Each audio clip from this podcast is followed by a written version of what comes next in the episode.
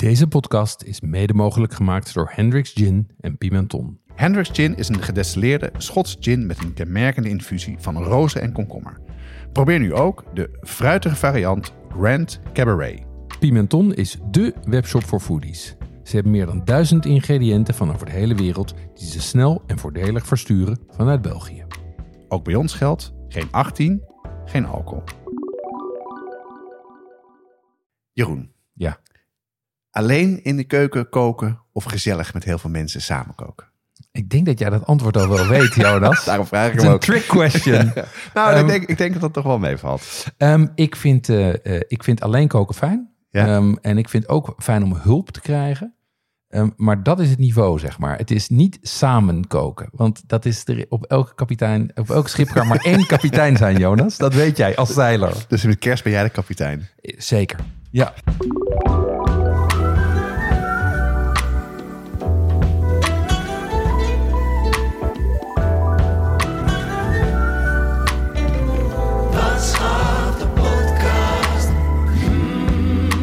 Ja, want eh, de kerst staat om de hoek. Eh, en eh, dit jaar gaan wij qua kerst superklassiek. eh vorig jaar hebben we het gehad over de garnalencocktail. Dat is wat ons betreft ook het eh, voorgerecht. En als hoofdgerecht maken we een beef Wellington. ja, dat is natuurlijk een super klassieker. Ehm, en eh, wel een uitdaging. Dus wij gaan het hebben over wat het geheim is van een geslaagde beef Wellington. Eh, we hebben heel veel tips en adviezen. Ehm, en een tried and tested recept dat we deze keer allebei hebben gemaakt. Dus dat is ook wel, wel leuk. Ja. Ehm, en we hebben nu alvast een tip, die gaan we nog een paar keer herhalen. Bestel je ossehaas op tijd.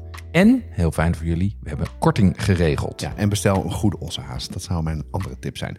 In het supplement praten we door over een aantal andere elementen van de beef eh, Wellington. Namelijk de saus die je erbij kan eh, maken. Die is de Madeira saus. En hoe kan je dit gerecht veranderen in een vegetarische versie. Daar hebben we verschillende recepten voor. Verschillende mogelijkheden om het vlees te vervangen.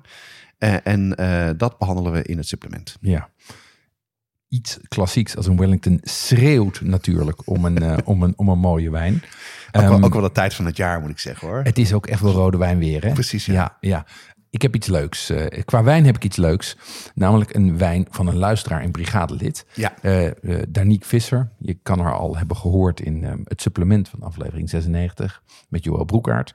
Ehm, en zij vertelde daar terloops dat haar vader en haar broer vrij serieus wijn maken in Spanje. Ehm, en ze zei van, zal ik eens een flesje opsturen? Dus ik verwachtte een soort van, eh, nou ja, een, willekeurige eh assortief fles met een handgeschreven etiket.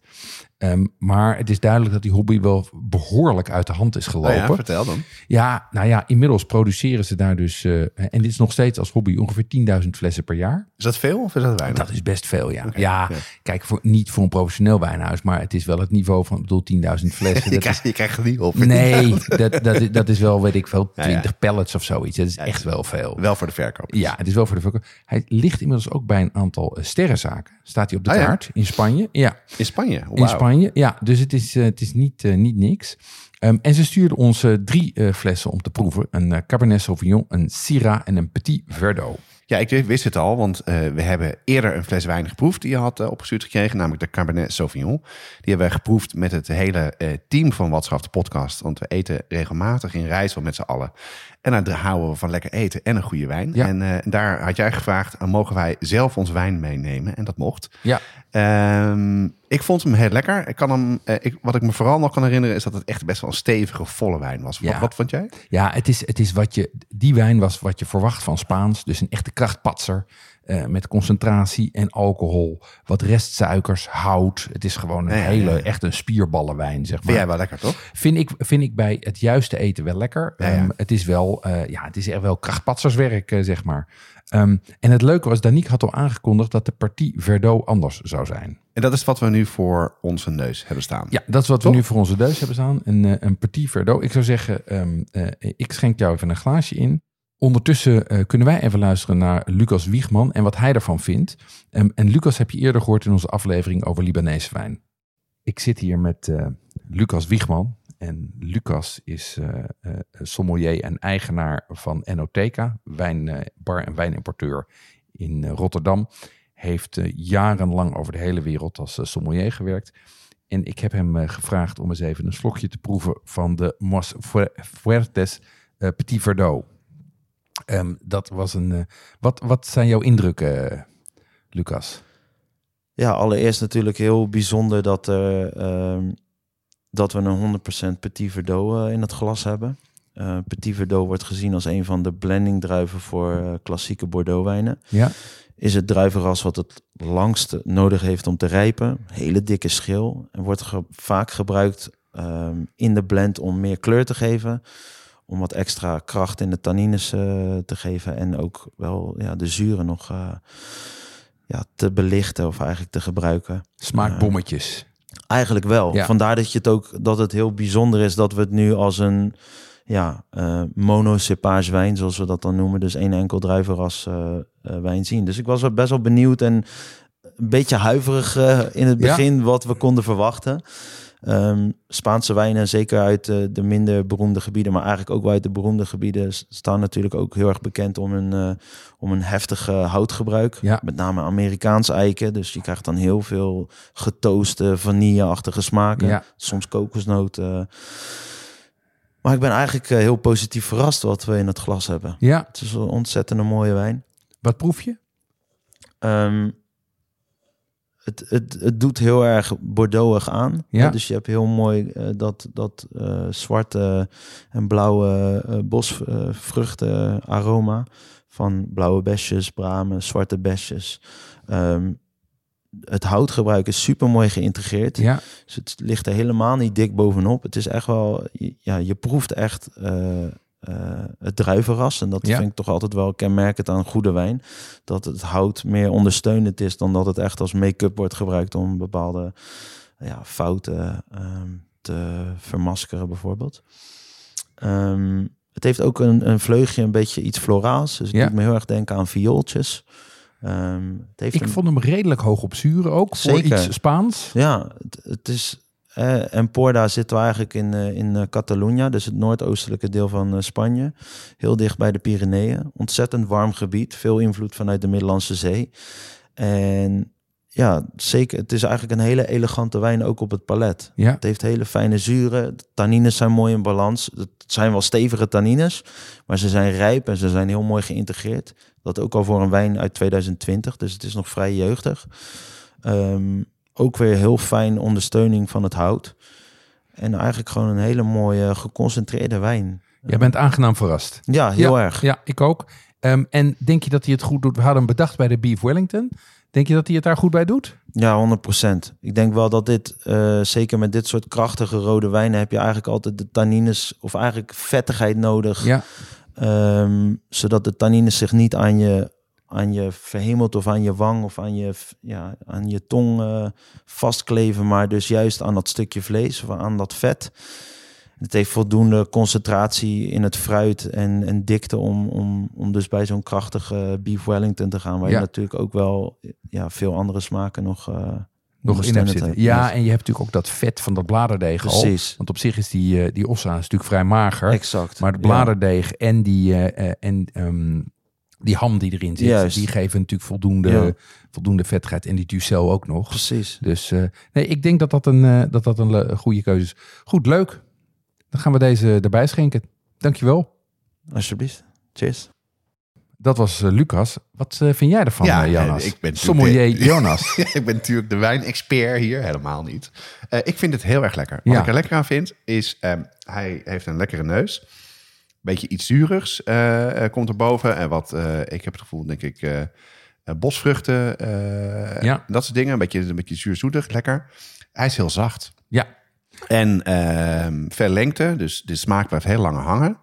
Hij heeft iets romigs uh, en dus niet zo'n krachtpaster als die andere. En dit denk ik dat perfect kan bij, bij vleesgerechten. Ja. Uh, waarbij hij dan niet de wijn de overhand neemt, maar vooral ondersteunend is aan het gerecht. Ja, ik vind hem, ik vind hem wat dat betreft wat eleganter dan die Cabernet Sauvignon. Die Cabernet Sauvignon is echt een krachtpatser. Dat verwacht ik als gewoon de Syrah ook. En dit is, wat, uh, dit is wat eleganter. En het is natuurlijk ook een mooi verhaal. Want zoals uh, Lucas al zei, het is natuurlijk gek om van een Petit Verdot een druif te maken die meestal in een assemblage zit. Ehm, en natuurlijk een, een hobbywijn die dit niveau heeft, is natuurlijk ook gewoon een leuk verhaal. Ik vind het echt heel lekker, want Ja. hij heeft ook een lekker zuurtje. Ja, nou neem jij die fles straks mee. Zeker weten. Ehm, en Komt wel goed. als er luisteraars zijn, ik wil deze wijn ook wel hebben. Ehm, ze hebben je kan bestellen bij de website, bij, op hun website, eh, bij Mas Fuertes. Ik zet even een link in de show notes. En er zijn inmiddels ook een paar wijnhandels in Nederland die die flessen voeren. Maar goed, hier achterop staat ook, er zijn er hier 1200 van gemaakt. En dit is eh fles eh, 180 al. Dus ehm, eh, wacht niet te lang. Danique, hartstikke dank voor het opsturen en eh, dat we een beetje mee mogen genieten van de hobby van je vader en je broer. Ja, Serieuze hobby. mij. serieus, hele serieuze Ja. hobby. Jeroen, ehm, we waren bijna uitgenodigd voor een première van een foodfilm. Ja. jammer genoeg was het, en je hoort misschien een beetje aan mijn stem, was ik een beetje geveld door, eh, door de griep. Beetje broel zelfs. Ja, nogal. Ja, voor mij doen heel veel. Dus ik moest jammer genoeg verstek laten gaan. Maar jij bent wel geweest. Ja. Vertel, hoe was dat? Ja, dat vond ik, dat vond ik hartstikke leuk. Eh, het, was in, eh, het was in Tuschinski, wat natuurlijk altijd eh, een feest is. Ehm, maar ik, Le Pot au Feu viel mij ontzettend mee. Ik Dat was ben- de film, hè? Ja, dat was de film. Ehm, het is een, de, een Franse culinair romantische film over een, over een lekkerbek en diens kokkin in de 19e eeuw. Ja? Ehm, het is een ontzettend mooie film. Hij is, hij is traag. Het is natuurlijk een, Franse, Franse, maar filmhuisfilm. Ja. Ook Mijn favoriet. Prijs voor, prijs voor beste regie gewonnen in Cannes. Oh, dat wel? Dus het is dat niveau, Ja, ja. zeg maar. Maar wel een leuke film ook. Ja, leuke film. Eh filmisch heel erg mooi. Hele mooie shots, in, eh, vooral in een, eh, in een château in, in de Loire. Binnen en buiten. Heel veel in de keuken. Ehm, eh, en wat ook fijn is, is dat het is gastronomisch juist. Dus het speelt zich allemaal, het speelt zich voor, ik denk dat de helft van de scènes zich in de keuken afspelen. Grote Franse keuken van de 19e eeuw met eh, koperen pannen en eh, brandende vuren. En eh, dat ziet er prachtig uit. Ehm, maar het leuke is dus dat het ook echt gaat over het koken, zeg maar. Het is Ja, ja. niet een beetje koken als een backstory. Natuurlijk is het ook een romantisch verhaal. Maar er wordt ook heel uitgebreid gesproken over nou ja, wat er in een pitivier zit. En, wat, en er worden ortolanen gegeten. En ze maken le pot au feu. En, dus het is echt een hele culinaire film. Ehm, en ik vond het echt heel leuk om te kijken. eh, ehm, en, eh, en, en echt een aanrader. Hey, en, en, want eh, ik heb altijd, ik heb vroeger heel veel wedstrijden gezeild. En als ik dan op een film zie of een serie zie Ja. waar een boot zeilt, dan word ik altijd helemaal gek. Ja. Want ik zie aan het water waar de wind vandaan komt. En standaard, eh, mijn vrouw zegt, ja kom maar Jonas, kom maar, zeg maar wat er mis is. Ja, Hoe, hoe hebben ze dat dan voor elkaar gekregen? Was dat hier ook zo met het koken of niet? Ja, wat, wat heel erg heeft geholpen is dat ze hadden Pierre Gagnaire, eh, Oh, kijk. Franse eh, Michelin-chef. Ehm, en die, was, die, die deed ook een introductie van de film. En die is culinair adviseur. Dus Ja. die heeft ervoor gezorgd dat alles gewoon klopt. Dus recepten kloppen, bereidingswijzen kloppen. Ehm, je ziet ze ook, eh, weet ik veel, je ziet ze kippen uit elkaar halen. En dat klopt ook helemaal. Ja, ja, ja, Dus het zit, er worden wijnen in genoemd die ook kloppen en bestaan. Dus het is wat dat betreft echt eh, heel grondig. Ik bedoel, het zou bijna een documentaire kunnen zijn. Waar het niet dat er natuurlijk een, een, ook een mooi liefdesverhaal in zit over hoe je, laat ik zeggen, koken kan gebruiken als love language. Dus voor foodies is dit echt een, eh, een knetterharde aanrader. Ah, mooi. Nou, dan ga ik er ook naartoe. En verder, heb je nog iets eh, gekookt? Ja, ik heb, eh, ik heb weer eens kaasfondue gemaakt. Het is echt kaasfondue weer, vond Zeker ik. weten. Ehm, en we hebben natuurlijk een aflevering gemaakt over kaasfondue. En ik dacht van, nou, ik ga het weer eens doen. Dus ik was bij, toen, ik kwam bij jou vandaan, ik kwam langs Kev. Ik dacht, mooi, ik ga even wat, wat kaasfondue halen. Maar dat was een frustrerende ervaring. Hoezo eh, dan? Jonas. Nou, dat begon al bij Kev. Kev, ik wilde heel graag moitié-moitié. Dus Emmentaal en ehm Gruyère. Ja. Hè, zeg maar de Zwitserse kaasfondue. En dan vers gemalen. Maar dat wilden ze niet. A, zij wisten ze niet wat het was. Ik zei, nou, ik legde het uit wat het was. Zij, ja, maar wij malen niet. Ik zei, wij malen niet? Eh, hoe dan? Zij, ja, je kan gewoon de kaas kopen en dan moet je zelf malen. Ik zei, ja, maar jullie hebben hier toch machines staan? Nee, we verkopen alleen onze eigen blend. Ah, ja. Dus daar was ik al een beetje door van slag. Ik dacht, nou ja, vooruit, geef maar mee. Dat was een, eh, een kaas van du Savoyarde, dus met een, een Franse blend. En vervolgens ben ik daarmee met ons eigen recept aan de gang gegaan. Maar ik heb het toch weer niet goed getimed. Dus ik kreeg hem niet goed. Ik, ik moest maizena toevoegen. Ik moest citroensap toevoegen. Ik moest alle steunwieltjes erop schroeven. En je hebt geen, eh, geen eh, smeerkaas, blokjes smeerkaas erheen gedaan. Nee, dat was want Le wat, die eh, had, dat is een goeie. Die had ik niet in huis. Ja. Ja. dat was degene die ik natuurlijk had moeten doen. Ik had meteen, maar die hadden ze ook niet bij Kevlar of Dus Nou, dat zouden we dus moeten proberen. Ja. Maar ja, misschien kunnen ze dat in het noodpakket meegeven. Ja. De kaas van nu. Dus het was een, uiteindelijk heb ik hem natuurlijk met, met, met bruut geweld en hard roeren en, eh, en, en genoeg maïzena uit. Heb ik er best wat lekkers van gekregen. Maar ik dacht van, ik fix dit wel even. En, moeilijk, hè? Ja, het is toch weer moeilijk. Ja. Maar het was wel weer heel lekker. Nou, mooi. Nou, over kaas van nu gesproken. Eh, ik heb het laatst ook eh, gegeten. Ja? Eh, maar dan eh, in een restaurant. Eh, ik, had, ik ging met vrienden die ik een tijd niet gezien had, hadden we afgesproken. En toen dacht ik, wat is nou een leuke plek in de stad als je gewoon met mensen wil eten. ehm, waar de een heel erg lekker eten, de andere mooi vindt, maar de andere wat minder. Dus wat is een beetje een safe plek. En dan ben ik bij Café Bern geweest. Klassieker. Ja, Café Bern zit op de Nieuwmarkt in Amsterdam. Het is een soort gek zaakje. Je moet wel echt wel even reserveren, want het is vaak vol. Het is ook heel goed geprijsd. Het is helemaal niet zo duur. Ja. En daar, eh, daar eh, nou, ik ben opgegroeid op de Nieuwmarkt. Nou, ik kan, maar zolang ik leef, niet eh, bestaat dat restaurant. Ze En, serveren ook al 100 jaar kaasfondue. ja, en want ze serveren ook een eh entrecote fon- fon- fondue. ja. Ken je die niet? Een, entrecote fondue. Nee. Nee, ze hebben dus een entrecote die dus heel eh, licht aangebakken is. Dus Ja. vrij rood van binnen is, Ja. in plakjes. Op een schaal en daar zit een soort van ehm, pesto saus op. Ja. Die je dus ook op het vuur kan zetten, waarin je je entrecote nog eventjes kan aanbakken. Oké. Heel lekker. En Ja. eh, is dat waarschijnlijk is het een, een, maître uh, uh, dat beurre is- maître d'hôtel. eh, Dat ja, zal ja. best, ja. ja. ja. maar je, meestal dan, eh, we hadden dus voor, waren met z'n vieren, hadden we voor drie personen kaas van du en dan één persoon eh, portie dat vlees erbij. Was Lekker? Echt, ja, maar het is echt heerlijk. Ja. En het is een leuke plek. Het is lekker als het dat soort plekken zijn die niet, al, die niet per se veranderen. Nee, het is echt een classic. Hè? Ja, echt. En, ja. en dus ook gewoon een prima plek. Want ik ging er, kwam er vroeger vaak, eh, als mijn moeder haar verjaardag vierde, gingen wij daar vaak kaas van nu eten Ja. met z'n allen. En je kan dat dus gewoon, eh, gewoon prima. Dus, ja, ik hou ook van dat soort klassieke zaken die gewoon niet veranderen. ja, Ja, dus dat was een, weer, ik was weer helemaal vergeten en een goede tip en aanrader. Jij bent wel uh, laatst tijd ook toch wel weer veel uit eten, hè, hoor ik. Ja, ja, ja, dat heb ik zeker. Dat vind ik leuk om te doen. En deze keer was het ook wel een beetje een. eh, had het wel een doel, want ehm, we hebben het gehad over het kookboek eh, van de mevrouw met de baard, Jima. Ja, Ehm, daarvan hebben we volgens mij in de kookboek-aflevering over gezegd dat ze een restaurant hebben. ja, Dat hadden ze. ja. Dat is dicht tegenwoordig. En dat vind ik echt jammer, want ik heb daar nooit gegeten. En toen sprak ik haar en toen zei ze: Ja, maar we gaan pop-ups doen. Dus houden onze Instagram in de gaten. En mevrouw eh, eh, met de baard Family, geloof ik. En daarin uh, kondigen we aan wanneer we dat doen. En toen kwam dat voorbij. En toen heb ik een vriend van mij uitgenodigd die jarig was als cadeau gegeven. En dat was echt, was echt een feest. Ja? Ja, het was gewoon wat er leuk aan was. Had ik wel een beetje verwacht als je koppel Carl Mas ziet. Zijn, het zijn hele nou, leuke figuren, maar ook... Kleurrijk. Ja, precies. Dat is het goede woord. En vooral heel gezellig en aardig. En, maar dat was op de Wallen. Ja. Dus je gaat gewoon de dam op en dan ga je de plek waar ik, die ik altijd oversla, waar alle dronk Engelsen zitten, uh, in de hoerenbuurt, ging je erin. Ja. Daar moest je je fiets parkeren en ergens aanbellen. En dat was dus een uh, grachtenpand, oud marmer op de grond, een beetje gebroken, alsof het echt jaren oud was. Ja. Lange gang door. Uh, toen werd er ook aangebeld en er waren er dus uh, Italiaanse toeristen die daar op een Airbnb zaten. Die met een rolkoffertjes binnenkwamen. Dat was Mhm. al een soort van uh, uh, ervaring. Toen ging er een deur open. En wat ik me herinner was de geur. Het was, het was, ik ben vergeten welk uh, specerij het is. Ze hebben het wel uitgelegd. Maar ze zeiden dat dus, het was zo'n lekkere geur. Uh, dus het, het, het, ik werd, kreeg al meteen honger toen ik uh, binnenkwam lopen. En we kwamen daar in een soort van ruimte met kunst. En zonder zo'n uh, een soort pilaar met pizzadozen. En daar werd al voor gewaarschuwd, dat als kunst. Mag je niet aanzitten. Oké. Okay.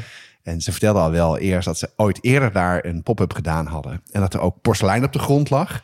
En dat uh, de mensen die in de bediening zaten dachten dat iets gevallen was, gingen opruimen. Okay, was ook kunst. Was, maar die is dus verdwenen. Oh, die, maar die, die ga ik onthouden. Als ik ergens iets stuk gooi, zeg ik, nee, is kunst. Nee, maar dat ja. was echt, het was, het was een fantastische plek. En heel erg lekker eten. En uh, wat leuk was, er waren een aantal dingen die ook in het kookboek staan. Dus de Deviled Eggs, die, uh, die maakte ze hapje. Iets met, uh, hij had ook iets met slakken. Um, met een pittige saus. En verder heerlijk Indonesisch gegeten. Um, Super gezellig aan tafel. Dus ik zou zeggen, uh, het is een hele leuke ervaring. Goed eten en een prima prijs. Dus hou hun Instagram in de gaten en meld je aan voor die pop-up, want dat doen ze dus vooral daar. Dus ja. Eh, uh, daar zie je die ruimte. Maar leuk, twee, twee keer eten in de Nieuwmarktbuurt in Amsterdam. Ja, Eén keer eh, bij iets heel nieuws en hippers en urbans. En één keer bij een classic. Absoluut, ja. absoluut.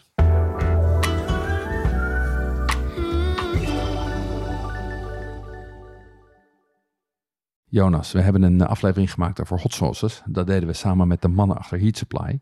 Deze hot sauce bazen hebben zelf ook een serie saus uitgebracht. Rijmakers, heetmakers genaamd. Ja, en dat zijn sauzen die niet alleen maar focussen op hitte, maar ook op smaak. En dat is voor ons een kenmerk voor een goede saus. Ze lopen op in pittigheid, uh, van de milde immune booster tot aan de brain buzzer die behoorlijk heet is. En uh, wat ik er zo leuk aan vind is dat het een echt Nederlands product is en dat het prachtige flesjes of doosjes zijn. Nou ja, een flesje die uit een doosje steekt. Uh, heel mooi en uh, leuk als cadeau. Je vindt rijmakers heetmakers op heatsupply.nl of vraag ernaar bij je delicatessenzaak. Ja, de Beef Wellington, uh, Jonas. Daar zijn we. Zeker, um, ja. Waarom? Waarom? Nou, uh, omdat we um, van tevoren hadden bedacht, hoe gaan wij kerst doen dit jaar? We ja. hadden minder zin in een hele uh, aflevering over een menu. Vond het leuker om toch uh, wat meer over gerechten te praten. Daarom hebben we een keuze gemaakt om zowel de granale cocktail te doen als de beef Wellington. Mhm. Mm -hmm. Vorig jaar wilde mijn vrouw hem heel graag maken. Dat ja. heb ik heel erg kunnen wegmanagen. Omdat ik geen zin had in de hoeveelheid werk toen de nee, tijd. Nee. Uh, en het is een, het is een classic. het is zeker nadat we er hem hebben. Ik heb hem meerdere keren gemaakt en jij ook. Het is he, wat mij betreft het ultieme kerstgerecht. Ja. Het is nou, dat zul je zo allemaal horen. Het is spectaculair. Ik had het daarvoor nooit eerder gemaakt. En dat vind ik altijd wel leuk om te doen. Het is super populair. En ik vind het altijd leuk om uh, een echte klassieker uh, te bespreken. Ja. Om daarin ja. te duiken en uh, recepten uit te zoeken en te begrijpen hoe het in elkaar zit. Dus het is daarom. Ja, ik, dat, dat vond ik er ook zo leuk aan. Want we hebben deze keer dus allebei proef gekookt. Um, en, um, uh, en, en het, is ontzettend, het is ontzettend leuk om zo'n klassieker, om je daar eens even in te verdiepen en te kijken of je dat voor elkaar kan krijgen. Dat vond ik in ieder geval heel leuk. Um, en het is, ik ben inmiddels wel ook wel tot conclusie dat als je het goed doet, iedereen het ook kan maken. Dus het is een heel spectaculair ding.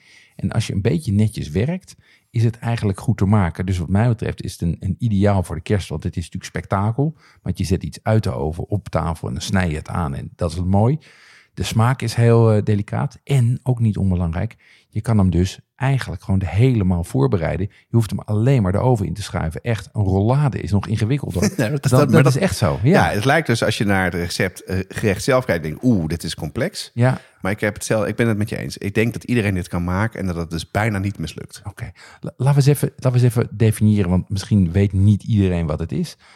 Wat zo, als wij zeggen wij maken een perfecte beef Wellington, wat staat er dan op tafel? Ja, het begint dus met uh, het eindresultaat is, ja, hoe moet je het omschrijven? Een rol, uh, een grote worst. Dat is misschien ja. een beetje verkeerd, maar het is een, het is een vrij uh, groot geheel van bladerdeeg. Mm -hmm. Wat mooi glimt, wat, wat krokante buitenkant heeft, wat een mooi werkje heeft. Um, het gerecht zelf bestaat uit lagen. Um, en als je er een plak van snijdt, is het een volledig gerecht in één. He, de Ja. buitenkant is bladerdeeg. en Die moet niet soggy zijn, die moet knapperig zijn. Dan heb je eh, lagen erin zitten. Dus je hebt een pasta van paddenstoelen. Je hebt er wat eh parmaham in zitten. Crepes zitten erbij. En uiteindelijk is de kern een mals ossehaas. Die, als je dat aansnijdt, soort smelt op je tong. En als je het daarnaast nog een goede saus erbij maakt... dan heb je gewoon alles bij elkaar. Ja. En, en zoals we dus zeggen, het is dus, want het is dus ontzettend spectaculair om dat ding op tafel te zetten. Zo'n goudgele, goudgele eh, show, showpiece. Ja, ja. En hem dan aan te snijden. Ik bedoel, dat is ook gewoon, dat ziet er gewoon heel feestelijk uit. Dat, is, dat zie je ook in al die filmpjes. Dus ook. Het is ook gewoon die reveal van, hey, wat zit erin? Die Ja, spanning. En het eh, komt uit de oven, dus je weet niet heel goed of het gelukt is of niet. Dus dan is ook het aansnijden spannend. Dus, ja, eh, maar als je onze instructies volgt, dan weet je dat het gelukt Nou, is. het is mij dus nu meerdere keren prima gelukt. Ja. En dus ik denk ook... eh, en, en wat ik er zo leuk aan vind, is dat als je het... eh, ik heb het proefgekookt met veel vrienden, omdat het gewoon best een groot gerecht is. Ja. En iedereen eh, vindt het fantastisch. Ja. Iedereen vindt het lekker. Iedereen eh, is, is onder de indruk van wat er op tafel staat. Dus wat dat betreft is het een perfecte, een perfect gerecht voor, voor met de kerst. Ja, echt een crowdpleaser. Wa- Waar, waar komt eh, deze crowdpleaser vandaan? Ja, dat is ehm, het eerste waar je aan denkt is eh, eh, generaal eh, Duke Wellington. Ja. Die tegen Napoleon gevochten heeft en de slag bij Waterloo gewonnen heeft. Oké. En dat het naar hem was vernoemd, omdat hij wellies aan had. Dus de, het heeft de vorm van zijn laarzen eh, andere verhaal is dat hij graag van lekker eten hield, wat hij mee wilde nemen. Dus Ja. dat kan je makkelijk voorbereiden in, in, in de veldoven doen. Ik zie het helemaal voor me. Ja, Eh, maar dat is altijd met een beetje met verhalen over herkomst van gerechten. Er zijn heel veel verhalen ja heel veel lore. Ja. ja. Dus dit is wel heel erg wat je aan de ene kant ziet. Aan de andere kant eh, was het, kwam het in die tijd, eh, 1800 eh, en later, was het heel normaal om grote banketten te, te hebben en mooie spullen op tafel te zetten. En vaak was het ook vlees in deeg. Was iets wat, wat veel voorkwam. En eh, je hebt ook een Frans gerecht, dat is de filet de bœuf en croûte. Dat is dan met brioche gemaakt. Dat kwam ik ook tegen in het eh, boek van eh, Julia Child. Dat lijkt er heel erg op. En het, het, het kan ook zomaar zijn dat ze dan in Engeland op een gegeven moment gezegd hebben... vervangen even die brioche voor bladerdeeg of iets anders. Maar het komt door, door heel Europa voor. Mhm. In kookboeken in Polen staat het, in Engeland. eh, maar ook in Amerika eh, wordt het heel veel gegeten. En dat is waarschijnlijk de populariteit te danken aan eh, Julia Child... die in 1965 dan de Beef Wellington op televisie genoemd heeft. Dus het, Ja. ja. het is van alles. Maar het, het, het, het, het lijkt heel, het is wel heel erg denk ik een traditie uit begin 1800 eh, van eten. Ja, waar het zijn roots heeft. Want het grappige is dat de populari- popularisering dus ook ongeveer in dezelfde tijd is begonnen als van de garnalencocktail. Namelijk jaren 60 met televisiekoks. Dus Ja, dat, klopt, ja. dat is grappig. Ja, en je hebt ook een link met, eh, met de hele vleesindustrie in New York. Eh, Ja. Waar we natuurlijk in de, in de steekaflevering ook over gehad hebben. Dat je het Meatpackers District in New York hebt. En dat het daar wordt. Nou, dus ehm, onduidelijk. Dus. Ja, oh, maar grote historische wortels. Ja. Eh, ehm, historisch gezien, waar, waar, waar ben jij begonnen met de research? Nou ja, wat ik meestal doe, is dan eh, ga ik mijn eh, kookboeken erbij pakken. En dan be- begin ik meestal met Bocuse, Larousse of met Julia Child, The Art of Cooking. En wat ik gewoon zo raar vond, ik kon het gewoon nergens in vinden. Oké. Ja. Jij? Nee, ik had, ik, ik had dat ook. Ik dacht, nou ja, ik heb natuurlijk die klassiekers inderdaad. Bocuse, Escoffier, Van Dam, eh, Larousse Gastronomique. Ik heb er overal in gekeken. Maar eigenlijk had ik nergens een recept. Zeker niet als ik zoek op Wellington. Ik heb hier toch, wel, nou ja, je weet het, eh, 150, 200 boeken staan. En er zat helemaal niks in. Nee. Eh, en online is er wel het nodige te vinden. Maar ja, er was niet zo. eh, ik, ik, ik kon het in mijn standaardwerken kwam het eigenlijk niet Nee. tegen. En wat ik dus het moeilijker dan vind als je dus online gaat zoeken, is van hoe weet je nou of het goed is? En eh, dus wij hebben daar op een gegeven moment samen eh, overleg over gehad. En toen zei jij, nou weet je, ik, ga al, ik heb binnenkort contact met de, met de chef. Ja, Ehm, met, eh Met Chilo? Chilo van Koevoorde. Voor, en toen heb je ook aan hem gevraagd van... oké, waar moeten we nou beginnen met Beef Wellington, toch? Ja, wat, ja. is een goed, wat is een goed recept? Ja, ik, ik liet het terloops vallen dat we ook bezig waren met Beef Wellington. En toen zei hij van, oh ja, maar wij doen hier met kerst in het conservatorium altijd Beef Wellington. Altijd? Altijd. Ja, Ah, ja. hij zei vroeger deden we kalkoen. Eh, want ze wilden daar natuurlijk een hele klassieke bij hun kerstdiner, een heel klassiek gerecht hebben. En dat deden ze dus eerder met kalkoen. Hij zei, ja, maar dat is toch, dat is uiteindelijk toch minder smakelijk en ook minder feestelijk.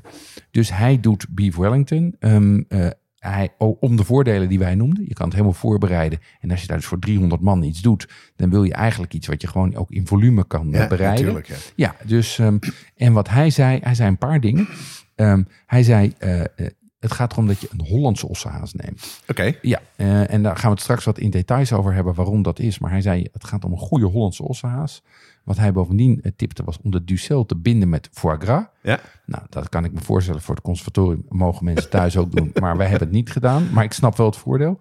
En wat hij zei is, het is key om hem te laten rusten als je hem hebt gebakken. Ja. Echt. En doordat, doordat dat folie er, of doordat het bladerdreig eromheen zit, kan het ook echt wat hebben. Hè? Het, is Ja. best wel, het is best wel fouttolerant. En ook als hij is afgekoeld, is hij nog steeds lekker. Want ik had een plakje over en die gaat de volgende dag ook heel prima met een boterham hoor. Nee, dat is Dus, zeker. eh, En als je er ook gewoon voor zorgt dat je borden warm zijn... en je maakt er een goede saus bij Ja. die, die warmte heeft... Dan, eh, dan kom je een heel eind, absoluut. Ja. Maar goed, toen hadden we nog geen recept. Nee. Maar hoe, hoe, hoe zijn we tot een recept gekomen?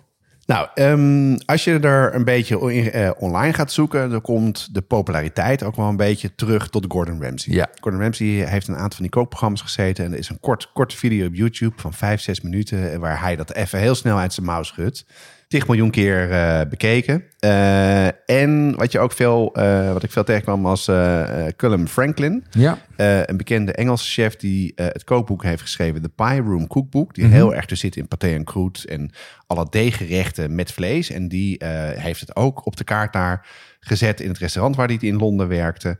En dat gaf me een beetje een soort van richting. Oké, wat is goed en wat is niet goed? En toen heb ik eh, video's van Ramsey gekeken. Joshua Wiseman, waar we het Mhm. vaker over gehad hebben, heeft een hele heldere, goede eh, video. Andy Cooks, een Australische kok. En ik heb ook eens teruggekeken eh, op YouTube. Ehm, en Kranenborg is een keer bij de Wereld Draait Door geweest. Hij had zo'n serie van vergeten gerechten. Ja, En dat was super klassiek. En dat was ook inderdaad met de foie gras doorheen. Dat soort dingen. Dus ja, daar merk je gewoon als je het allemaal bekijkt. En je gaat dan een soort van 15, ik heb zo'n 15, 16 recepten vergeleken. Dan op een gegeven moment komen er wel dezelfde dingen naar boven. En eh denk ik, nou, ik ga gewoon hiermee beginnen. ja. En dat hebben we samen een beetje overlegd. En toen hebben we gezegd, nou, dit lijkt ons een goed recept om, eh, om te maken. Ja. En dat hebben we beide een aantal keer gemaakt. eh, om te checken van, joh, klopt dat? Dus zo En- ben ik er toe gekomen. En, en wat, is de, wat is de essentie van het recept dat wij hebben gemaakt? Ja, ik denk dat ehm, een paar, het zijn twee dingen. En wat dus ook een beetje het moeilijke is. Aan de ene kant wil je dat het, dat het ossehaas, die, die, in de kern zit, dat die mals is. Ja. Dat het niet door is. Nee. Ehm, dat laat natuurlijk wat vocht eh, los en stoom los. En, maar het bladerdeeg moet knapperig blijven. Ja. Dus dat is eigenlijk het belangrijkste wat je voor elkaar moet zien te krijgen. En dat betekent dat je vooral moet focussen op isolatie. Ja.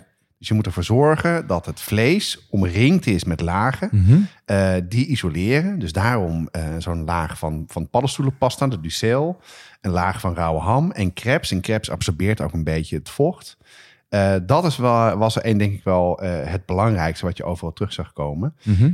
En verder moet het gewoon goed op smaak zijn. Ja. Dus het vlees, eh, dat bak je aan, dat, eh dat kruidje met peper en zout. Maar daarna smeer je hem, als het warm is, in met eh Dijon mosterd. Ja. Dat geeft een hele soort van lekkere, pittige smaak. En, en, ehm, en de ducels zijn natuurlijk eh, heel erg umami. En ik heb bijvoorbeeld in de crepes heb ik ook wat frisse kruiden gedaan. En, ehm, en wat eh, een essentie is, eh, dat zei je al net, het laat zich heel goed voorbereiden. Maar je moet echt de tijd nemen om in tussen een aantal stappen het goed te laten terugkoelen. Dat Ja. je gewoon met koude ingrediënten werkt. Eh, en eh, dat zijn denk ik een beetje de belangrijkste dingen, denk ik, van het gerecht. Ja, en, en wat natuurlijk, la- laten we even beginnen met het vlees. Hè? Want dat vlees, dat is natuurlijk een, dat is een, e, dat is de kern van het gerecht. Ja. Het is een beef wellington. Letterlijk.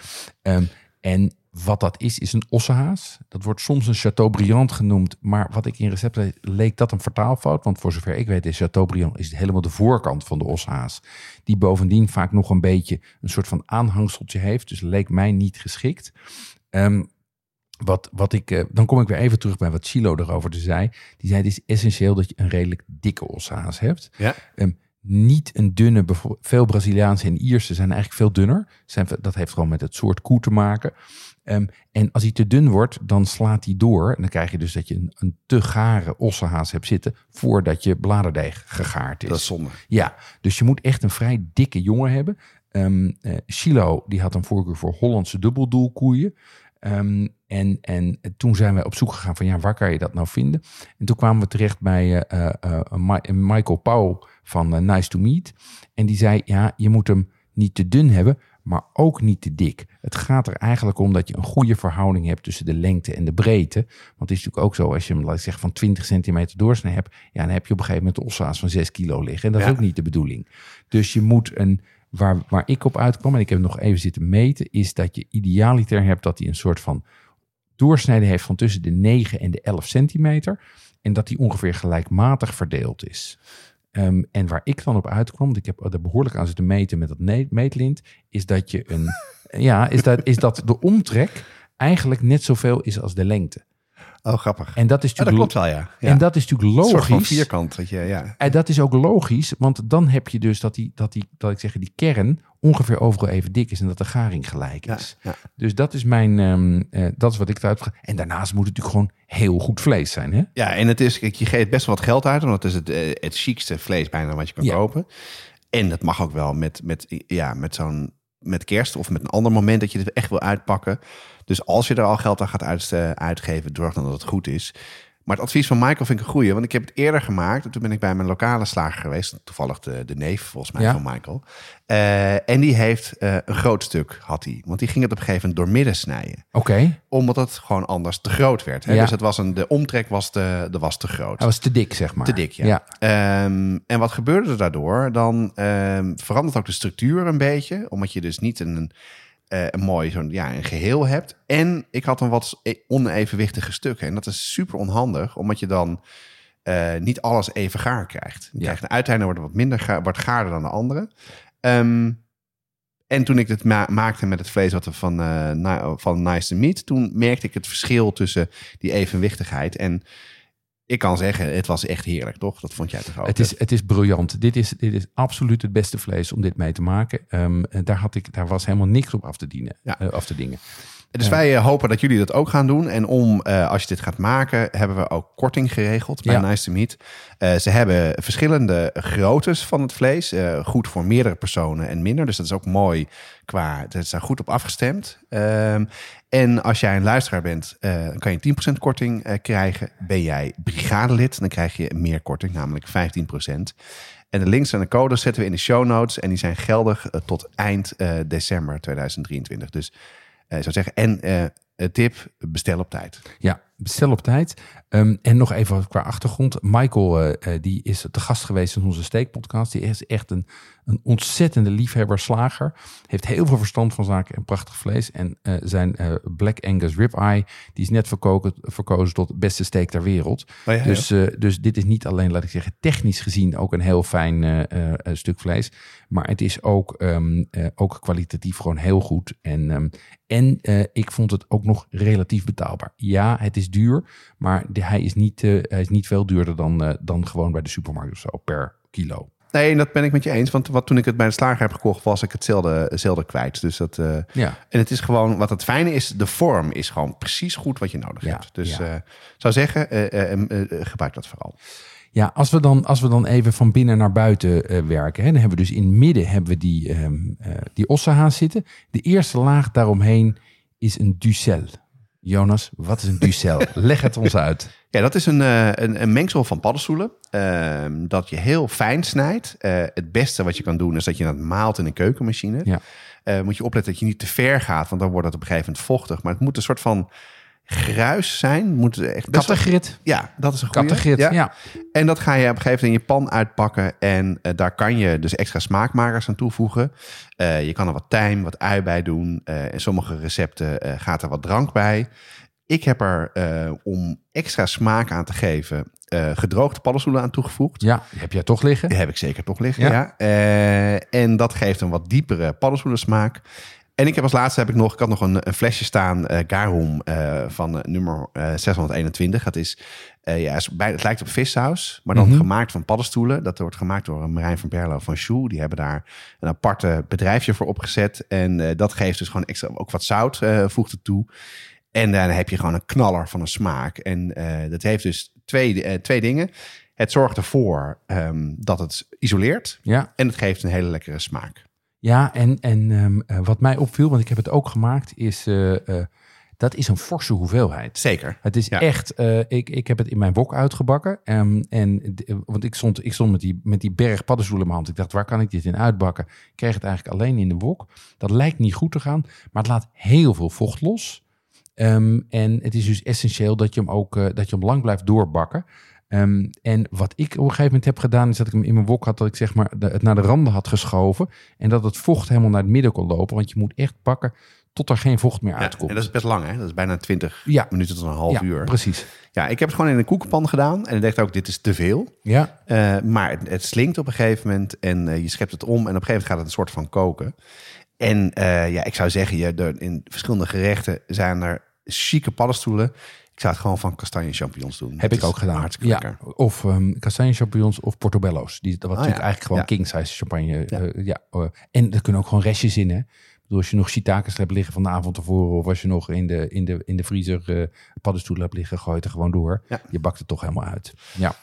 Ehm, bij jouw eerste ronde ging niet helemaal goed hè? Met, eh, met de Ducel. Nee, ik dacht dat eh, die, eh, het gebruiken van de keukenmachine is onzin. Ik kan Ja, natuurlijk gewoon tuurlijk. z- zelf snijden en dat soort dingen. Nou, dat was heel onhandig, want ehm, hij was te grof. Mhm. Hij was wel heel lekker, maar wat gebeurde er nou? Het was geen probleem met het, het uitsmeren. Ja. Maar het was wel het probleem toen ik hem dus ging snijden.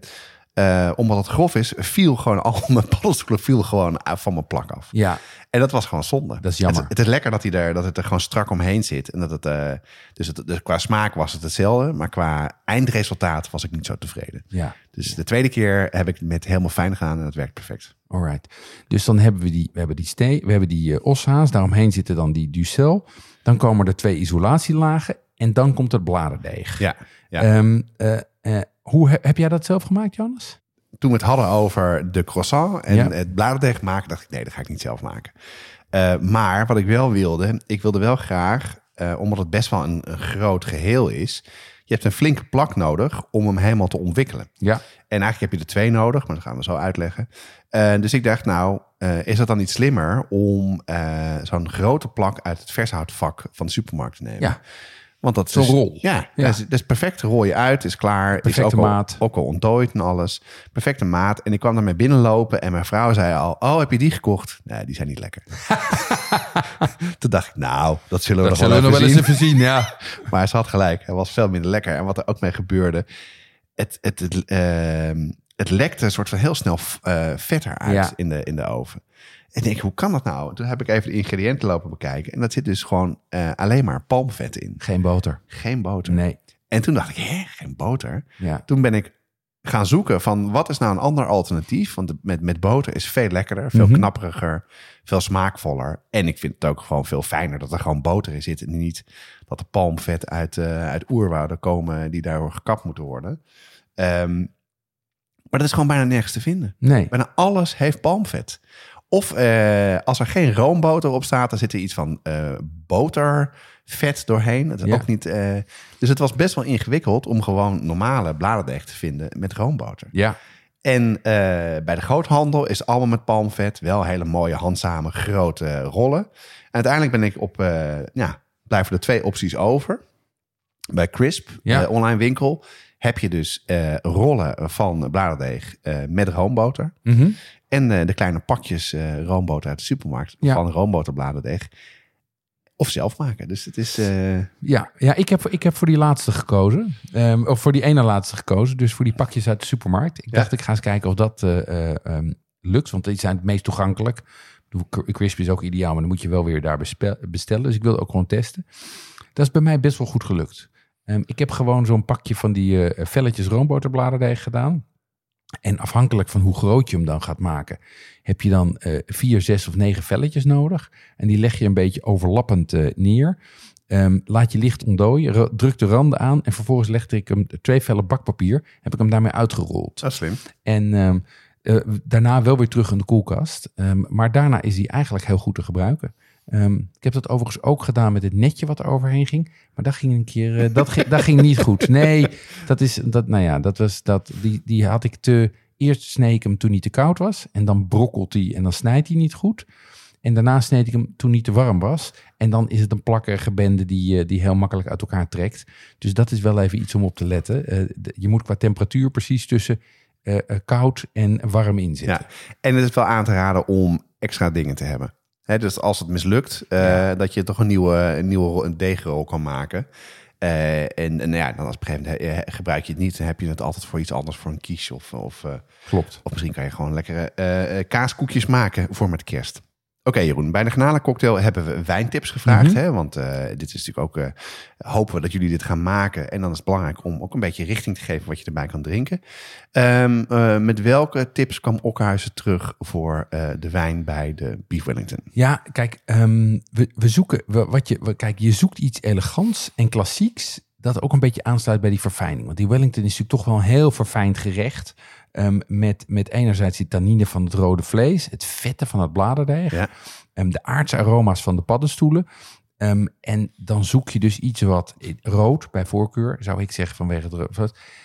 Ik neig naar Frans. Je kan ook wel daarbuiten gaan, maar die elegantie en dat klassieke kom je natuurlijk toch vaak bij Frans terecht.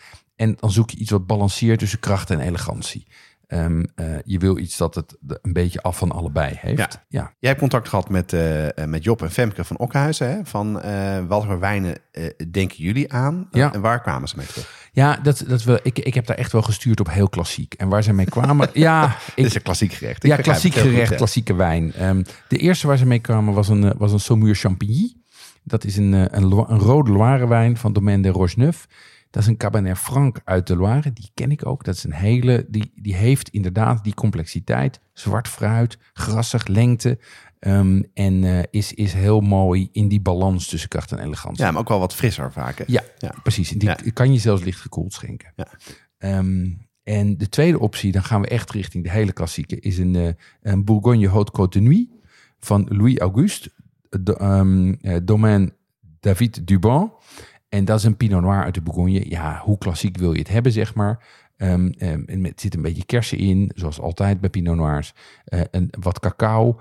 En is eigenlijk het lichtste van het setje. Die is fluweel zacht. En dit is echt volledig elegantie. Dit is heel eh, eh, subtiel en, en, en voor de liefhebbers. Ja. Zonder dat het dun wordt, zeg maar. Ja, ja. ja, maar ook net zoals die vorige, eh, daardoor een, een frisse, wat frisser tegen het, eh, tegen het, het gerecht aan. Ja, hè? Dat ja. je dus Een wijn slok die- neemt, waar je weer je palet een beetje... Ja, dat je niet meteen in slaap zakt, Ja. zeg maar. Nee, nee ja, ja. je snapt wat ik bedoel, hoofd op de bier Ja, precies. Ja. Ehm, en de laatste, dat is echt een knaller. Eh, Die en schenk jij toch? Die, die, die- nou, het grappige is, dit is een, die schenk ik dit jaar niet, maar ik, heb, ik had hier wel flessen van liggen. Dat is een Pomerol. Wat natuurlijk een van de, laat ik zeggen, eh, toegankelijkere en eh, wat lichtere wijnen is van de, van de Bordeaux. Nou, lichter is niet het woord, maar wel heel soepel. Ja. Eh, zij suggereren een Chateau La Grava Pomerol. Wel een fles van zes tientjes, dus dit is wel een grote jongenswijn. 2018 is een blend van vooral Merlot en Cabernet Franc. Nou, Merlot is natuurlijk altijd eh, een allemansvriend. Maar die Cabernet Franc die ook in die eerste, eh die Sauvignon Champigny zat... die geeft er net een beetje, die geeft er structuur aan. Eh, en dit is dus een combinatie van fruit en structuur met een beetje truffel. Dus als je deze doet, zou ik wel die foie gras ook door de Ducel draaien. Ja, en dan ga je echt, dan ga je natuurlijk all out. Ja, of je maakt eh, de, een saus met een beetje truffel er doorheen. Dat kan ook. Of, je, of je raspt een truffeltje door je Ducel heen. Ja, of Nice, een truffel nice, nice. Over de plak heen. Kijk, ja, ik, heb alle, ik hoor allerlei ideeën. Ehm, Hey, maar die de- is als je iets te vieren hebt. Ja. Ja. Ehm, je hoeft niet mee te schrijven met het luisteren, want deze wijnen staan ook in de show notes met links naar de flessen erbij. De eerste wijn eh, die Jeroen behandelde was 19,20 euro. De tweede 31,50 en de laatste 59,70. Dus het loopt ook een beetje op in prijs. Voor ieder wat. En ik zou zeggen, eh, maak hier gebruik van, want die passen wat mij betreft perfect bij het gerecht. ja. Even terug naar de, naar de, naar de Welly. Ehm, de Welly. De Welly. Ja, je moet wel weten dat mijn, eh, mijn schoonfamilie komt uit Engeland. De zus van mijn vrouw woont daar met een Engelsman. En wellies zijn gewoon echt gewoon kappelaars. dus ik heb een heel ander beeld. Mijn hoofd. maar terug naar de welly. Terug naar de Welly. Ehm, vond jij het een moeilijk recept om te maken, Johannes? Nou, weet je, eh, eh, als ik heel eerlijk ben, nee. Nee? nee. En dat viel me dus heel erg mee. Ik had van tevoren verwacht, dit is super complex, ingewikkeld. Eh, ga ik niet aan beginnen. Maar ik, daar, toen ik het daar had, klaar had, had ik ook met mijn vrouw over. En dan zei ik, ja, dit, dit kan iedereen. Maar het risico is dat als ik dat tegen mijn vrienden zeg, ah, je moet dat eens een keer maken. Dat is echt heel, heel erg makkelijk. Er wordt er knetterhard gelachen altijd. Ja, ja, Jonas, jij vindt het makkelijk, maar eh, wij niet. Ik denk dat het nu wel zo is, want het, het is de technieken die je moet gebruiken om het te bereiden, is vooral het aanbraden van het vlees, het maken van de ducels. Eh, dat is echt best wel goed te doen. Daar hoef je geen topkok voor te zijn om dat goed te doen. En het vlees is zo dik dat als je het aanbraadt, dat je echt niet te ver doorgaat. Mhm. Het zit hem vooral, denk ik, eh, vond ik, in die complexiteit van de handelingen en de voorbereidingen. Dus eh, je moet heel veel tijd nemen. Je moet heel netjes werken om namelijk die lagen goed in elkaar te krijgen. En een kernthermometer is echt wel nodig om er zeker van te zijn dat hij goed uit de oven komt. Maar ja, ik denk vooral eh, rust, voorbereiding en tijd. Ik denk echt, men echt serieus denk dat iedereen het kan. Wat, wat, wat vind jij? Ja, wa- waar het, mij, het deed mij denken aan patisserie. Oh Ehm, ja. het, dat is, het, is, het gaat erom dat je netjes werkt, dat je uitmeet, dat je tussendoor laat afkoelen. Ehm, je gebruikt veel plastic folie. En laat ik zeggen, dat oprollen is natuurlijk het spannende moment. Hè? Want je, je maakt een soort plakken en dan bouw je hem op en dan rol je hem op. Maar als je goed hebt eh, eh, gemeten, dan werkt het. En dan valt het als een puzzelstukje in elkaar. Dus het is vooral een kwestie van tijd, rust en concentratie. Maar het grote voordeel hiervan natuurlijk is dat je dit een dag van tevoren doet. Ja. Dus je maakt dit ding gewoon op. Als je de, de 25 serveert, maak je de 24. Maar je kan het ook wel de 23ste maken. Dus je kan rustig in je eentje in de keuken, iedereen weg, even de rust nemen om dat ding in elkaar te puzzelen. En vervolgens hoef je hem alleen nog maar in de oven te schuiven. Dus het is wat dat betreft, het is het, de, de, de uitdaging zit hem vooral in netjes werken voorbereiden. Maar op momenten dat je niet onder druk staat. Dus ik denk dat dat goed te doen is. Eh, Helemaal met je eens. Ik denk dus uh, de, de, de, de, tijd nemen is essentieel. Ja. En als je de goede spullen hebt en je neemt de tijd en je volgt het recept goed, dan weet ik bijna zeker dat het bij iedereen uh, gaat lukken. Kijk, ik, ik vond het moeilijkste van het gerecht, vond ik dus uh, wat je net zei, het samenbrengen van, van die lagen. Mhm. Dus ik denk goed is om eventjes de belangrijkste stappen van het maken van de Wellington door te lopen en even onze tips te geven die we samen hebben ja, uh, ondervonden met het Ja. maken ervan. Uh, laten we beginnen bij de eerste stap, bij het, bij het voorbereiden. Ja, het, het voorbereiden is eigenlijk dat je al je componenten gaat maken. Um, uh, dus je gaat je hoofdingrediënten voorbereiden. Dat betekent je vlees zouten. Dat braad je op hoog vuur aan. In Ja. bij voorkeur een cast iron pan of een stevige pan. Um, moet je met een tang doen. Want het is natuurlijk het is wel een kilo. Het is minimaal 600 gram. Maar waarschijnlijk wel een kilo of 1,2 Ja, kilo. verschil of je met vier of zes of acht mensen Precies. eet. Ja. En die moet je dus ronddraaien, rondom aanbraden. Um, en daarna smeer je hem in en laat je hem afkoelen. Dat is Dit- belangrijk, hè? Ja, stap 1. En daarna ga je, en, en of ondertussen, terwijl die staat af te koelen, ga je je ducel in 20 of 30 minuten droog bakken. We hebben het net al gezegd, die maal je fijn in de keukenmachine. En het enige waar je daar hoeft te doen, is dat je oplet dat die niet aanbrandt. Ja, en, En dan- alle vochten zoveel En mogelijk al uitgaat. het vocht staat eruit. Ja. En terwijl dat, terwijl dat eh, een beetje staat te verdampen, kan je je crepes bakken. Ja, ik kan je vertellen, ik vond de crepes dus het moeilijkste van alles. Jij kan gewoon geen pannenkoeken bakken. nee, nee, ik doe ik niet zoveel. Nee, nee, nee. Nee, maar die crepes was voor mij ook omdat ik eh, de eerste keer alles tegelijkertijd aan het doen was. eh, dat was ook een, eh, een, vond ik echt een drama. En toen heb ik nog een beetje ingedoken en ik kwam een aantal tips tegen. Ehm, namelijk dat je hem ook in de oven kan doen. Ja, Hè, dat je dus, dan heb je namelijk een hele mooie plak. Want je king size crepe. King size crepe. Het, Ja. Wat je namelijk eh, wil voorkomen, de crepes moeten echt wel zo dun mogelijk zijn. Ja. Ze moeten niet helemaal door zijn, niet helemaal bruin zijn, want dat moet toch een beetje absorberen. Het is een soort van isolatielaag en het absorbeert het vocht wat in de, in de ducel misschien nog zit en vooral wat uit het vlees komt. En ehm, ik vond het lekker om daar ook wat kruiden in te doen. Dus ik heb er wat eh bieslook bij gedaan voor wat frissigheid. En als je dan in een pan bakt dan, eh, en je moet er een plak van maken, dan overlappen ze. Dan krijg je best wel wat dikkere stukken. Eh, dus ik denk, nou, de oven werkt goed. Eh, en dat, dat moet je wel een hele goede oven schaal voor hebben die nou ja, anti-aanbak is of zo, dat die niet blijft plakken. Eh, uiteindelijk is het gewoon prima gelukt, maar gewoon rustig aan. De In de tijd koekenpan. nemen, een dubbele hoeveelheid beslag maken Ja. in de koekenpan. En eh, het ging ineens wel heel goed. Ja. Dus, eh, Ja, dat heb ik ook gedaan. En, en het recept, het, het eh, beslag wat er in, de, in het recept hebben staan, geeft ook een voldoende vloeibaar beslag. Want ik denk dat dat hier vooral de uitdaging is. Dat je op niet te hoog vuur en met een heel vloeibaar beslag hebt. Want dan kan je mooi rond in de pan laten Ja, lopen. En, krijg je en ik heb gewoon in anti-aanbak gebakken. Want dit Ik vind ik, dit vind ik te alles. veel gezeik Ja. om dat eh, in, in staal of zo Ja. te gaan doen.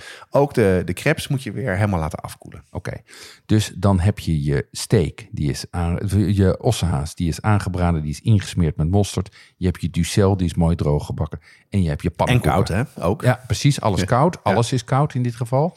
Ehm, dan begint de eerste assemblage. En die gaat in twee stappen. Hoe gaat die eerste stap van die assemblage? Ja, je gaat als eerste ga je, ehm, je eerste rol maken. En de kern hier is dat je heel precies werkt. eh, dat je dus niet vergeet wat de volgorde van de laag is. Want die moet je omgekeerd eh, neer gaan leggen. Dat Ja. ging bij mij de eerste keer mis. Oké, wat moet ik nou eerst eh, dit doen of eerst dat doen? Maar goed, je start dus ehm, als allereerste met plastic folie. op je werkbank. Op hè? je werkplank. Ja. En dan zijn de rollen die je uit de supermarkt koopt eigenlijk te klein voor de hoeveelheid van het vlees. Dus als jij een industriële grote rol hebt, die ook wat dikker is, zou het perfect zijn. Maar nu moet je ze overlappen. En genoeg overlappen dat je ook genoeg uiteinde aan de zijkant houdt om hem mooi tot een, tot een worst op te rollen. Eh, dus dat is stap 1. veel plastic folie. Eh, dan maak je je buitenste laag. Dan begin je dus met de crepes. Let je dus goed op dat ze niet te veel overlappen. Maar ook niet dat je ze te niet overlappen. Want dat heb ik de eerste keer gehad. En dan breekt hij in tweeën. Irritant. Daar werd ik niet blij van. Nee. vertellen. Eh, daarna ehm, doe je parmaham er, er, erbij. En die leg je eigenlijk gewoon in dezelfde. En daar overheen spreid je de ducels uit. Key is wel zo dun mogelijk. Ja. Eh, want de tweede keer had ik hem toch wat dikker gedaan. Omdat ik hem veel fijner had gemaakt eh, dan de eerste keer. En dan heb je toch wel veel ehm, paddenstoelen in je hap. Dus die moet je echt lekker dun uitsmeren. En eh, dan zet je dus het vlees aan de onderkant. En dan ga je met het plastic gebruik je om hem op te rollen. Mhm. Een soort van sushi maken Ja. En eh, dan moet je ervoor zorgen dat je hem goed uitmeet. Dat hij namelijk oh, niet te veel overlapt. Dat Ja. niet een dubbele rand komt. En dan rol je hem in elkaar. Ja, dan heb je, heb je wel eens gezien. Dan pak je dus uiteindelijk vast en dan rol je eigenlijk het, het, eh, het geheel één kant op. Dan wordt hij steeds strakker en strakker. En dan wordt het een mooie worst. En dan, dan ga je hem koelen. Ja, wat, wat ik hier het moeilijkste eh, bij vond is uitvogelen. eh, want het doet, het doet mij wel denken inderdaad aan, aan sushi-rollen of shekkies rollen of whatever je ook, Checkies rollen. of whatever je ook rolt. Ehm, Heb jij checkies gerold uit? Ehm, het moeilijkste is uitvogelen hoeveel ruimte je nodig hebt.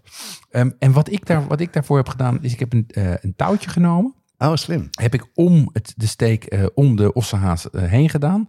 En daar een knoopje in gelegd, zodat ik precies wees, wist met een touwtje wat de omtrek van de ossehaas was. En dat heb ik gebruikt om uit te meten hoe eh, groot mijn eh, pannenkoeken moeten zijn. Want die moeten natuurlijk groter zijn dan dat Ja. hoe groot vervolgens mijn, eh, mijn plak met ehm parmaham moet zijn. Want dat is dan de, de volgende laag. En daarop de laag ducel. En die moest dan, dat moest dan telkens ietsje kleiner zijn. Maar dan was dat, dat, ehm, Nou ja, tuurlijk, eh, ja. dat doekje was telkens, of dat de stok, dat draadje was telkens mijn maat. En daardoor, daardoor zag ik ook op een gegeven moment dat ik het niet met... ehm, dat, ik dacht, ik ga het met een rijtje van drie pannenkoeken ga ik het redden. Een vier. Nee, het werd een vierkant. Ja. Ja, dus daar is dat belangrijk Ja. voor om dat te weten. Nou, ik had diezelfde vraag van hoe ga ik dat nou doen? Ik heb op een gegeven moment eh, bakpapier gepakt en daar heb ik het vlees ingerold. En heb ik dan eh, afgesneden. En dat was voor mij inderdaad, en dat was inderdaad een soort van vierkant. Dat was voor mij een soort mal die ik gebruikt heb om er steeds overheen te leggen om te zien of, ik, eh, of het niet te groot werd. Ja, ja, want dat zie je niet in de filmpjes hiervan zijn. Er zijn veel films van, die eyeballen het allemaal. Ja. Maar ja, die hebben het natuurlijk al 80 keer gedaan. Dus die weten hoe groot dat moet zijn. Dat is net als die sushi-chef die precies weet waar hij hem neer moet leggen. Hier gewoon meten. Ja, en dit dus gewoon, eh, dit is denk ik de essentie en het belangrijkste waar het mis kan gaan. Hè? Ja, Dat ja. het dus te veel ruimte komt, te veel overlap. Of te weinig. En Ja. dat je dus ineens een stuk blote ossehaas hebt die tegen je, eh, die tegen je bladerdeeg aan gaat liggen. Ja. Of, of dat je, eh, nog erger, dat je ossehaas te dik blijft voor je, eh, blijkt voor je vulling. je hem niet en dicht je hem niet dicht krijgt. Ja, Nee. dan zou je natuurlijk een beetje kunnen metselen met wat extra. Uiteindelijk lost het je wel op. Uiteindelijk, En dat het voordeel is, het gaat nog in bladerdeeg. Dus je kan het een beetje maskeren. Maar je ziet het uiteindelijk in de plak eh, als laatste. Ja, want dan komen we bij de tweede ronde. Want dan hebben we het dus allemaal opgerold. Dan laten we hem weer koelen. Hè? Dan gaat hij weer de koelkast in. Ja.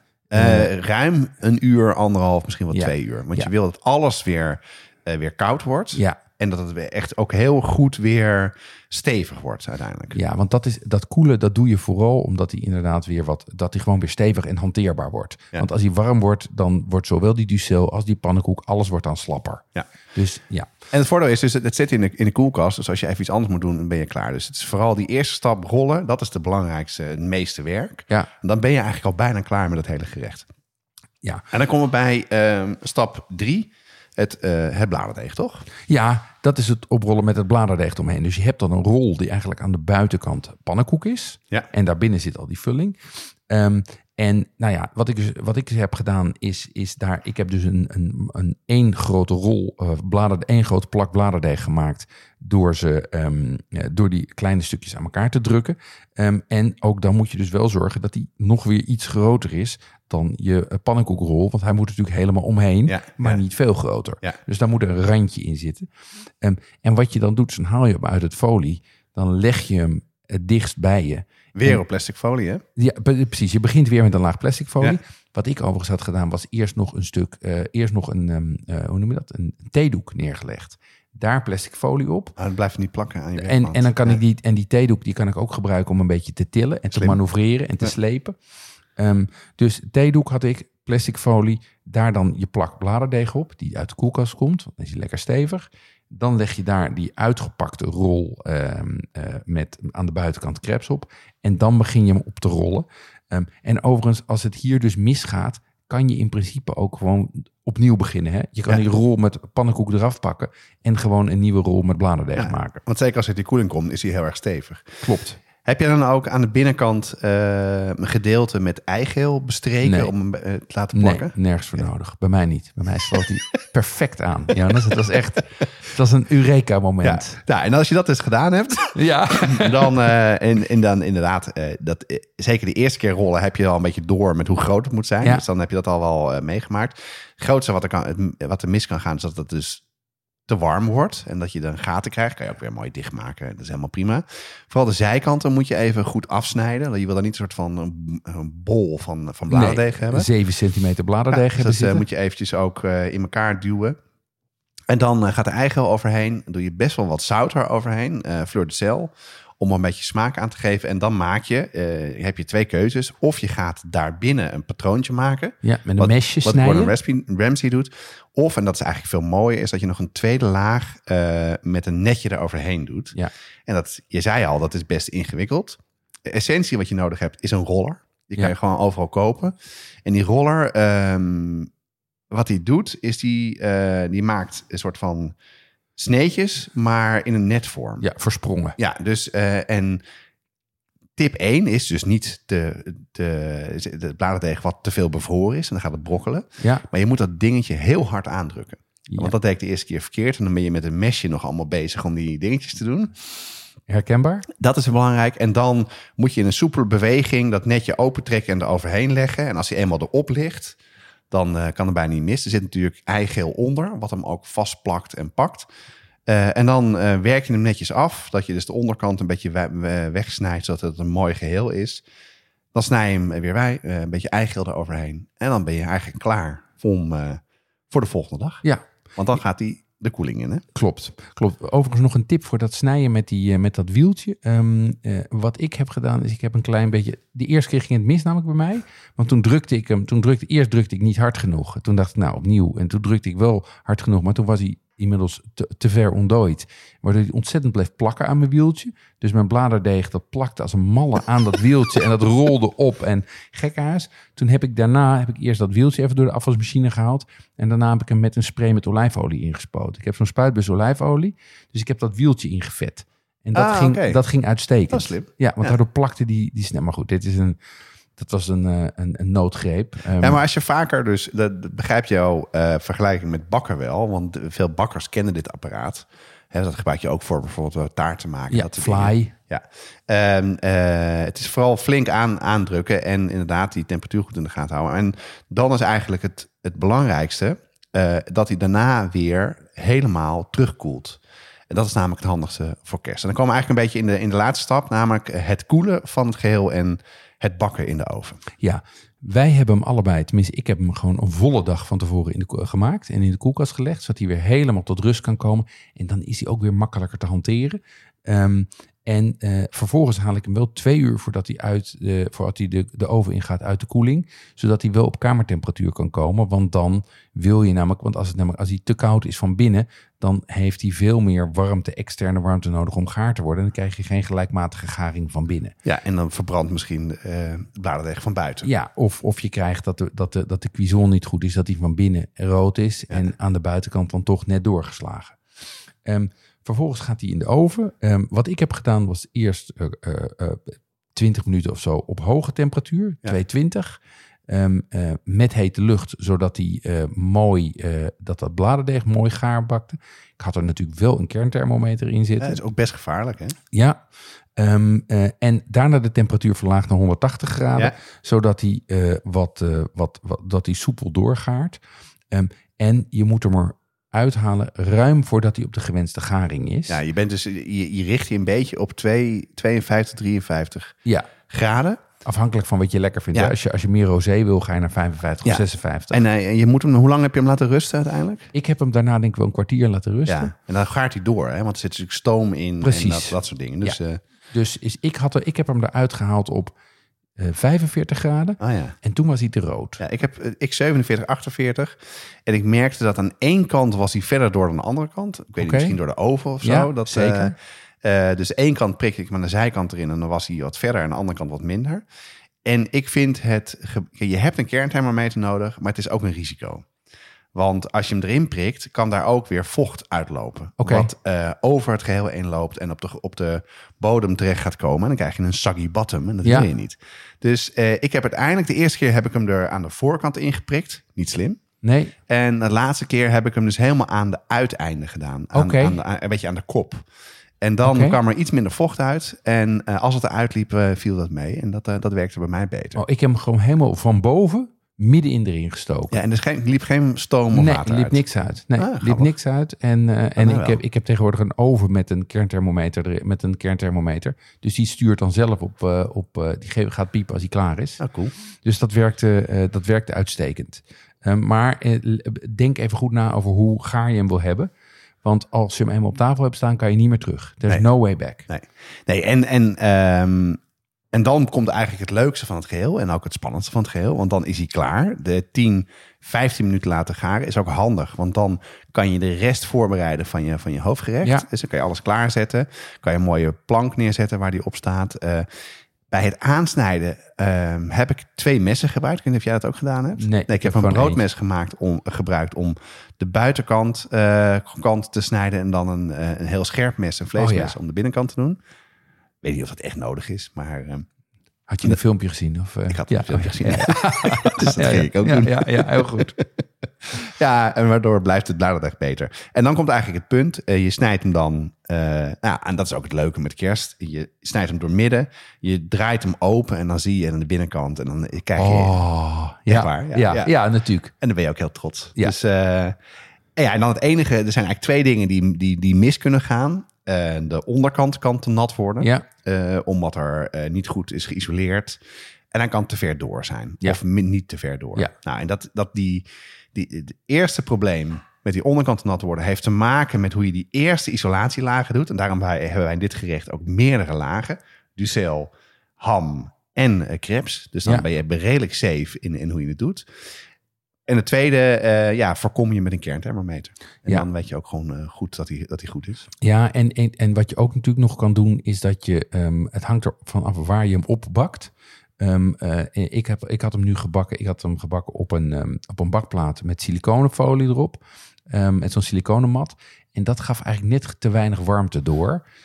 Dus En wat ik- gebeurde er dan? en, en daardoor was de onderkant was niet soggy, maar was niet helemaal gaar. Oh ja. Dus, Ah, ehm, dus ik ja. denk dat ik hem de volgende keer, denk ik dat ik hem op mijn pizzaplaat bak. En dan met papier ertussen in plaats van met, eh, eh, met siliconen. Maar dat zijn, dit zijn echte fijne nuances hoor. Want hij was niet soggy, maar hij was wel helemaal onderin, net, naar mijn zin, nog net niet krokant genoeg. Nou, en dat maakt wel uit met het snijden van plakken. Want als hij, als hij dus mooi strak helemaal eh, gaar is om het geheel heen... en je snijdt een plak af, dan blijft hij ook in zijn geheel als je hem op bord legt. Ja. Ik kan het wel een beetje in elkaar drukken. Heb ik op een gegeven moment ook wel gedaan. Dat hebben ze dan niet helemaal door. Nou, wat je daarbij maakt ehm, eh, is een, eh, een Madeira saus. Ja, Ehm, en dat is ook lekker, want dan heb je dus, leg je het op je bord, dan heb je een mooie plank in, in het midden, doe je wat groenten eromheen, misschien wat, eh, wat puree. En dan eh, giet je langs eh, elke tafel, elk bord nog even een klein beetje saus, zodat het eronder kan lopen. En dan heb je echt een, een knaller van een kersthoofdgerecht. top. Ik, heb, ik, ik zit alweer met water in mijn mond, Jonas. Ja, die beef Wellington dus. Die draait om de kwaliteit van de ingrediënten en om netjes werken. Ehm, koop het beste vlees, bijvoorbeeld met de kortingscode van Nice to Meat. Ehm, of vraag het gewoon aan je slager als die, eh, als die je geeft wat je, wat je wil hebben. Maar pak echt dat middenstuk. Laat en- je niet afscheuren, schepen met iets wat qua verhoudingen niet goed is. Of wat te dun is aan de ene kant, te, du- te dik is aan de andere kant. Echt dat middenstuk. Ja, en dus als u dus eh, niet de juiste de dikte overal heeft, dan ga je de mist in. Ja, dan ga je de mist in. Ehm, neem de tijd en maak hem één dag of zelfs twee dagen van tevoren. Want je kan je pannenkoeken en alles kan je natuurlijk ook gewoon twee dagen van tevoren Zeker. maken. En dan assembleren een dag van tevoren. En tussen elke stap koelen. Zodat hij weer zijn structuur kan houden. Dan blijft hij makkelijk te hanteren.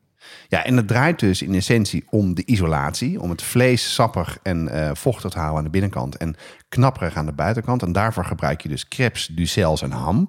Je kan dat achterwege laten, dat je een van de dingen niet doet. Eh, wij hebben het wel gedaan en het geeft ook een extra lekkere smaak mee. Ehm, en de kern zit hem dus in heel veel aandacht hebben over eh, hoe je die lagen maakt in die eerste assemblage. Dat er geen overlap is en dat je ook echt bladerdeeg gebruikt. En dat je het een beetje opmeet. En dat je niet vergeet om het laatste het goed af te kwasten met, eh, met ei. En dat je er ook zout overheen doet. Werk met een kernthermometer en zorg ervoor dat de bladerdeeg gaar en knappig wordt. Dus eerst heel hoog in de oven. En misschien die tip die Jeroen heeft door geen isolatie, geen siliconenmat te gebruiken.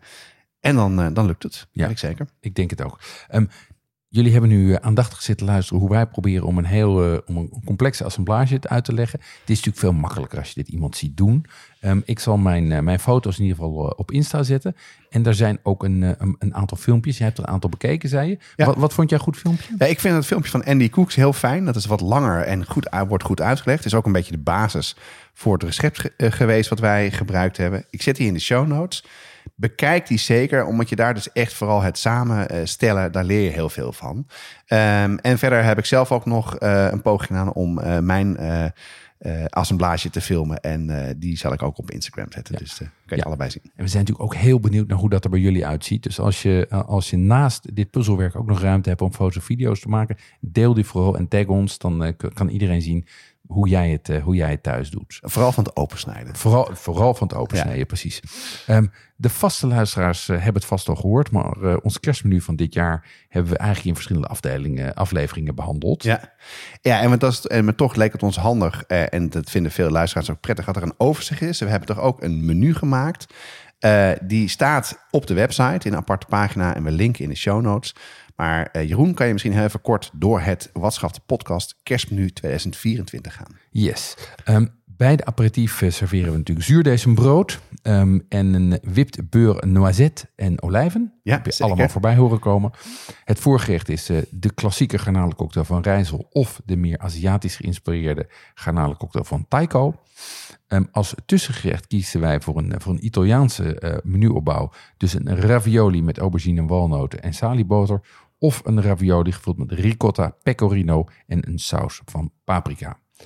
Bij het hoofdgerecht what else? Een beef wellington en voor de vega's onder ons een vega wellington. Daar hebben we het straks nog over. Als uh, bijgerechten, als garnituur suggereren wij puree, boontjes en botersla. Natuurlijk met de rijzel vinaigrette. Um, daarna, wat ons betreft, zoals het altijd hoort, een kaasplank. um, bijvoorbeeld uh, de, uh, de, de kaasplank met de Coulommiers, Buren geitenkaas belegen en de Epoisse Berthaud. Of de Langre, Laguiole en Roquefort. En afsluitend nemen wij, maken wij een crème brûlée. Heb je ook al bij ons voorbij horen komen in de toetjesaflevering. Of het ultieme gevallen citroentaartje van Rutger Bakt. Nou, dat is een heel menu, eh, Jonas. Ja, en we zullen uh, op de site alle links zetten. Uh, en dit zijn allemaal recepten die we al eerder dit jaar behandeld hebben in de podcast. En wat ons betreft, denk ik, als je, als je goed kijkt, kan je het bijna heel erg vegan maken. Dat mm -hmm. vinden we ook belangrijk. En denk ik een mooi klassiek kerstmenu. Dus ik ben benieuwd wie hier iets uit gaat maken of het geheel gaat maken. Voor de luisteraars van de gratis podcast zit het erop voor deze aflevering. Voor de brigade gaan we door met het supplement. Ja, in het supplement praten we over de Madeira saus, hoe je die maakt, en de Vega Wellington. En uh, hoe kan je daar, wat voor vegetarische opties heb je daarbij om het gerecht te maken? En we behandelen daar verschillende recepten en verschillende groentes. Ja, en mocht je nog geen lid zijn van eh, de brigade, ga dan naar petjeaf.com slash podcast en meld je aan. Daarmee zijn we er. We zijn rond, uh, Jonas. Deze podcast wordt gemaakt door Jeroen Doucet en Jonas Nouwen. Het team bestaat uit Natasha Roda, Katja Workel, Annie Tazelaar, Paul Veldkamp en Jesse Burkunk. En de muziek is gecomponeerd door Nico Brandsen en Ton Dijkman en wordt uitgevoerd door Mel en Vintage Future. Tot de volgende keer. Tot de volgende keer.